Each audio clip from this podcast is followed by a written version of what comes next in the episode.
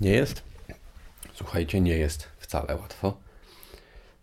Zaczynam drugi raz, bo przed chwilą zacząłem, ale jakoś tak w połowie pierwszego akapitu zorientowałem się, że wyczerpały mi się baterie.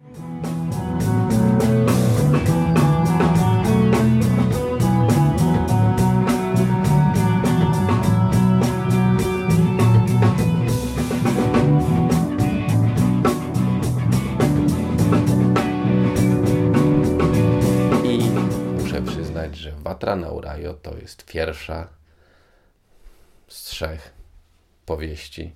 Znaczy były jeszcze dwie mikropowieści, ale tak powiedzmy. Pierwsza powieść Marka Huberata, która ma naprawdę absolutnie doskonałe zakończenie.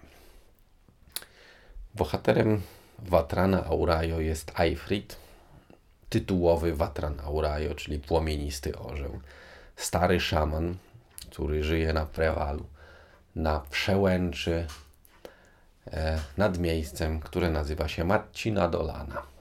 W Matcina i Dolanie żyją ludzie. I na tyle, na ile jest to wiadome tym ludziom i Aurajo, są oni jedynymi ludźmi na planecie, na której żyją. Ludzie, którzy żyją w Matcina i Dolanie są prawie takimi samymi ludźmi jak my, tylko mniej zaawansowanymi technologicznie i cywilizacyjnie. Przypominają te początkowe sekwencje, takie sielankowe fragmenty z chłopów, powiedzmy. W każdym razie przywodzą na myśl tamten czas. Pod tym względem książka ta jest absolutnym majstersztykiem. Ja teraz, y, to jest spoiler, więc jeżeli ktoś nie czytał, to może niech zastanowi się. To jest ostatni moment.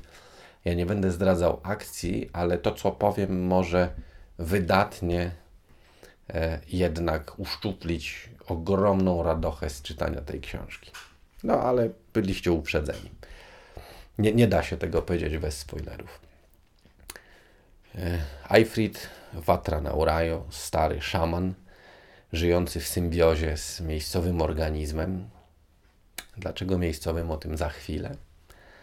E, przypominającym pióra, wszczepionym w jego skórę, stąd właśnie orzeł, ponieważ jest pokryty piórami, mieszka ponad doliną i w jakiś sposób opiekuje się społecznością ze wsi, z, z osady, powiedzmy.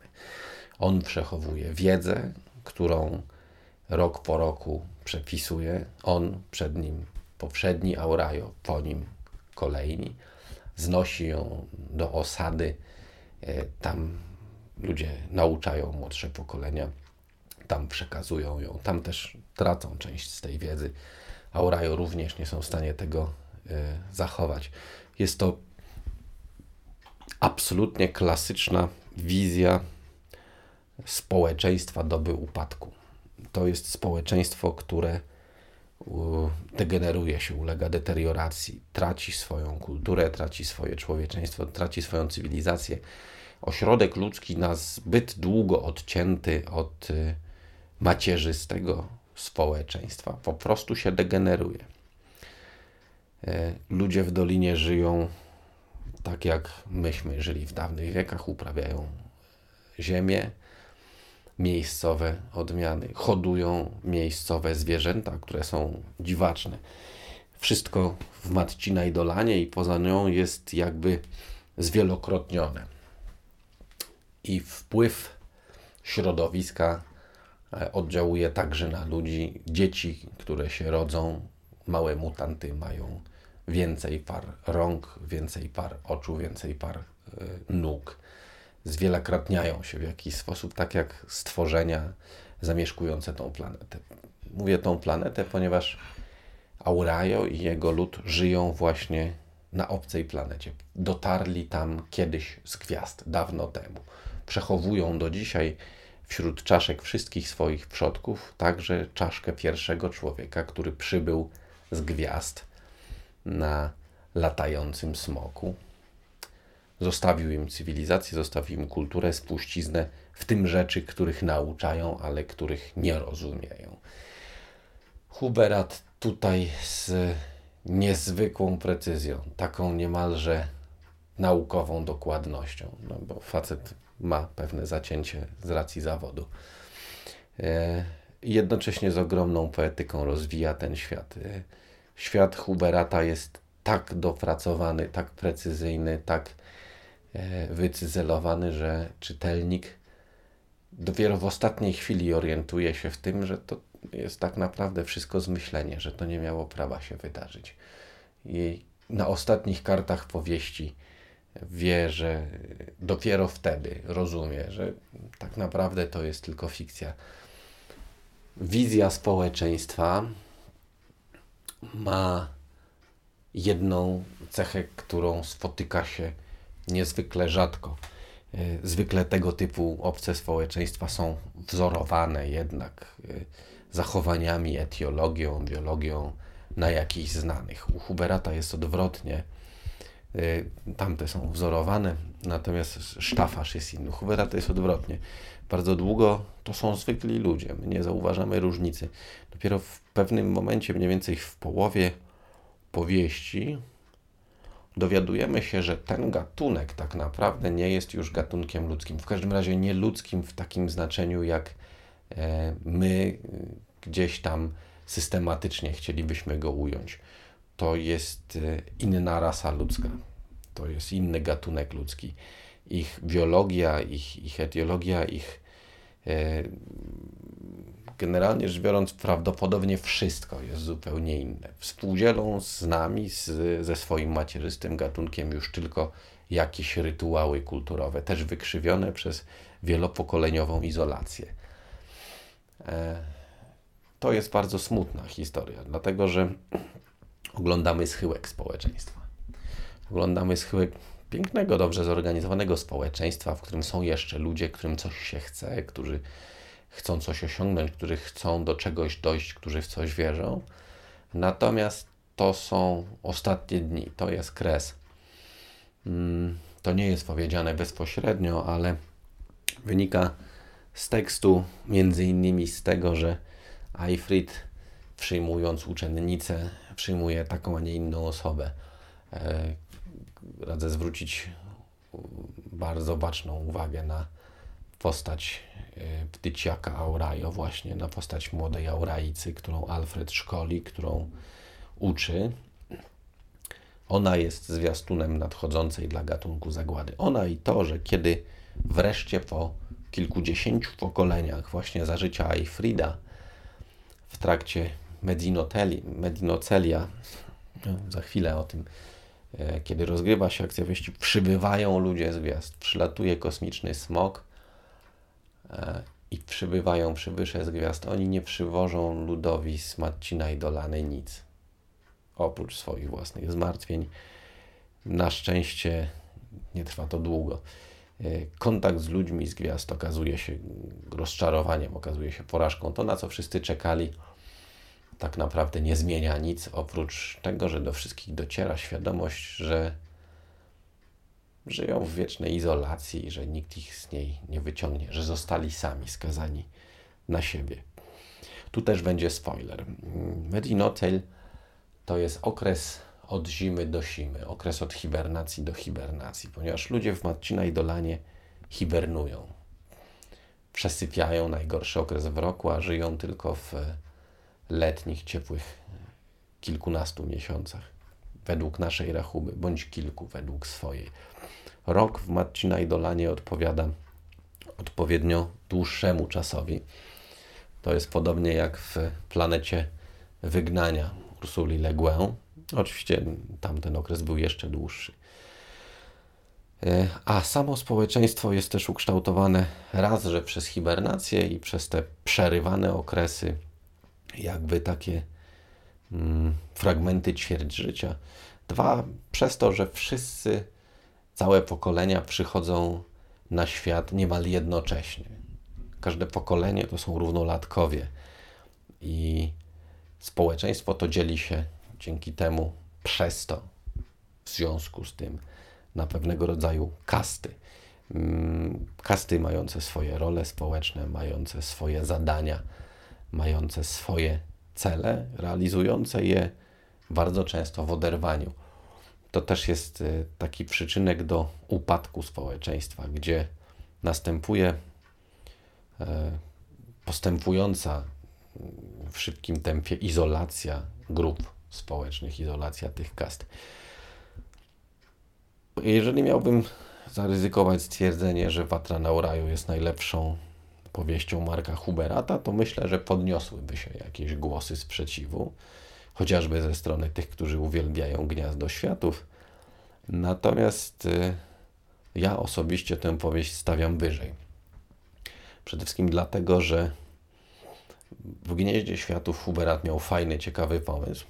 Rozwinął go w sposób, który mnie osobiście nie do końca się może spodobał, ale, ale sam świat zaprezentowany, przedstawiony był bardzo wiarygodny. E, w Watranie to poszło jeszcze dalej.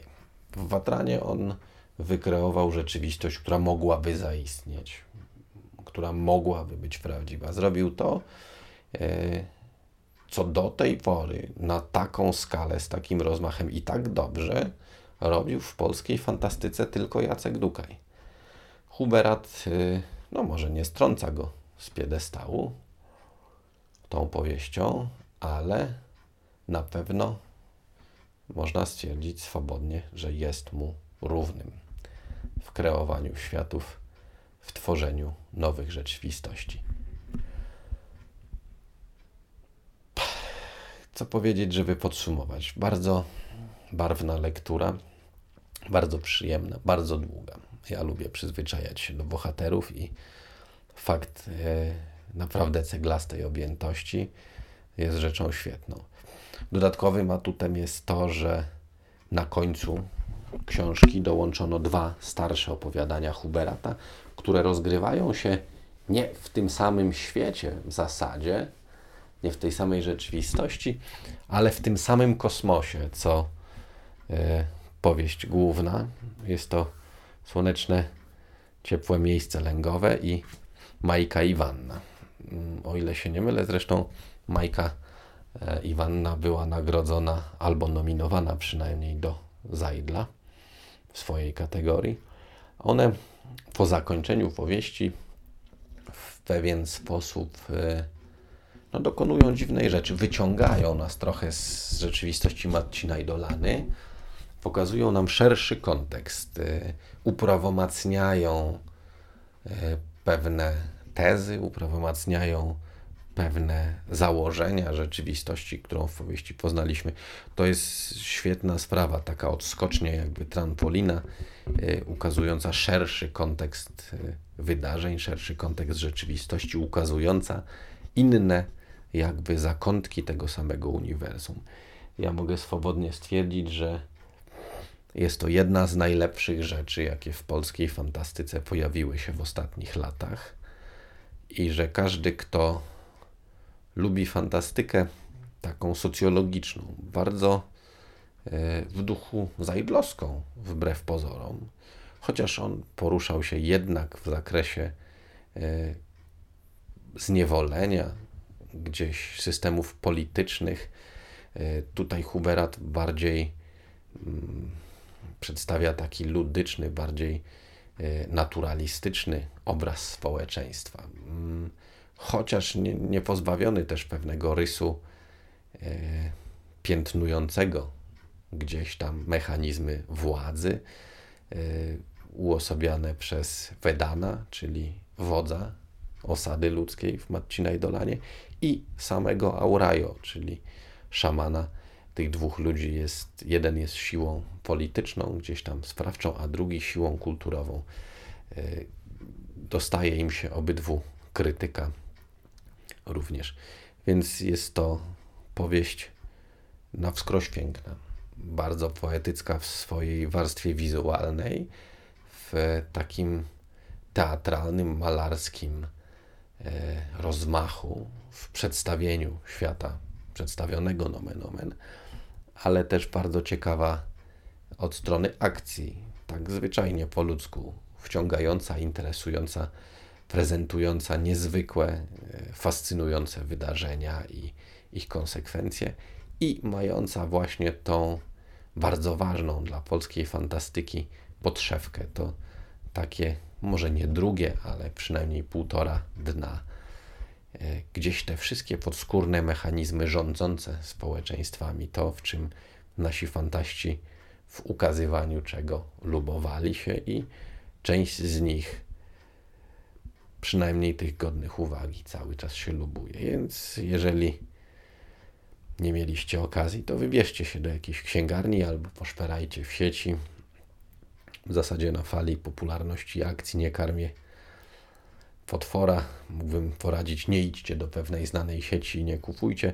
Powiem tak, nie kupujcie w znanej sieci, bo tam mają ceny okładkowe. Jak kupicie na przykład w sklepie internetowym parę rzeczy, to będziecie mieli na tyle dużą zniżkę, że pokryje Wam to i przesyłkę i jeszcze zaoszczędzicie.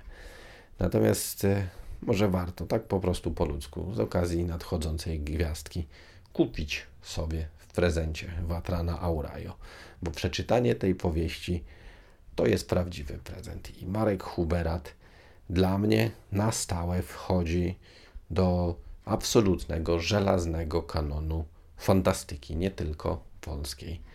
Właśnie postacią biednego w gruncie rzeczy, świadomego porażki szamana, który patrzy na to, jak jego lud dzień po dniu, rok po roku, sen zimowy po śnie zimowym marnieje i ginie.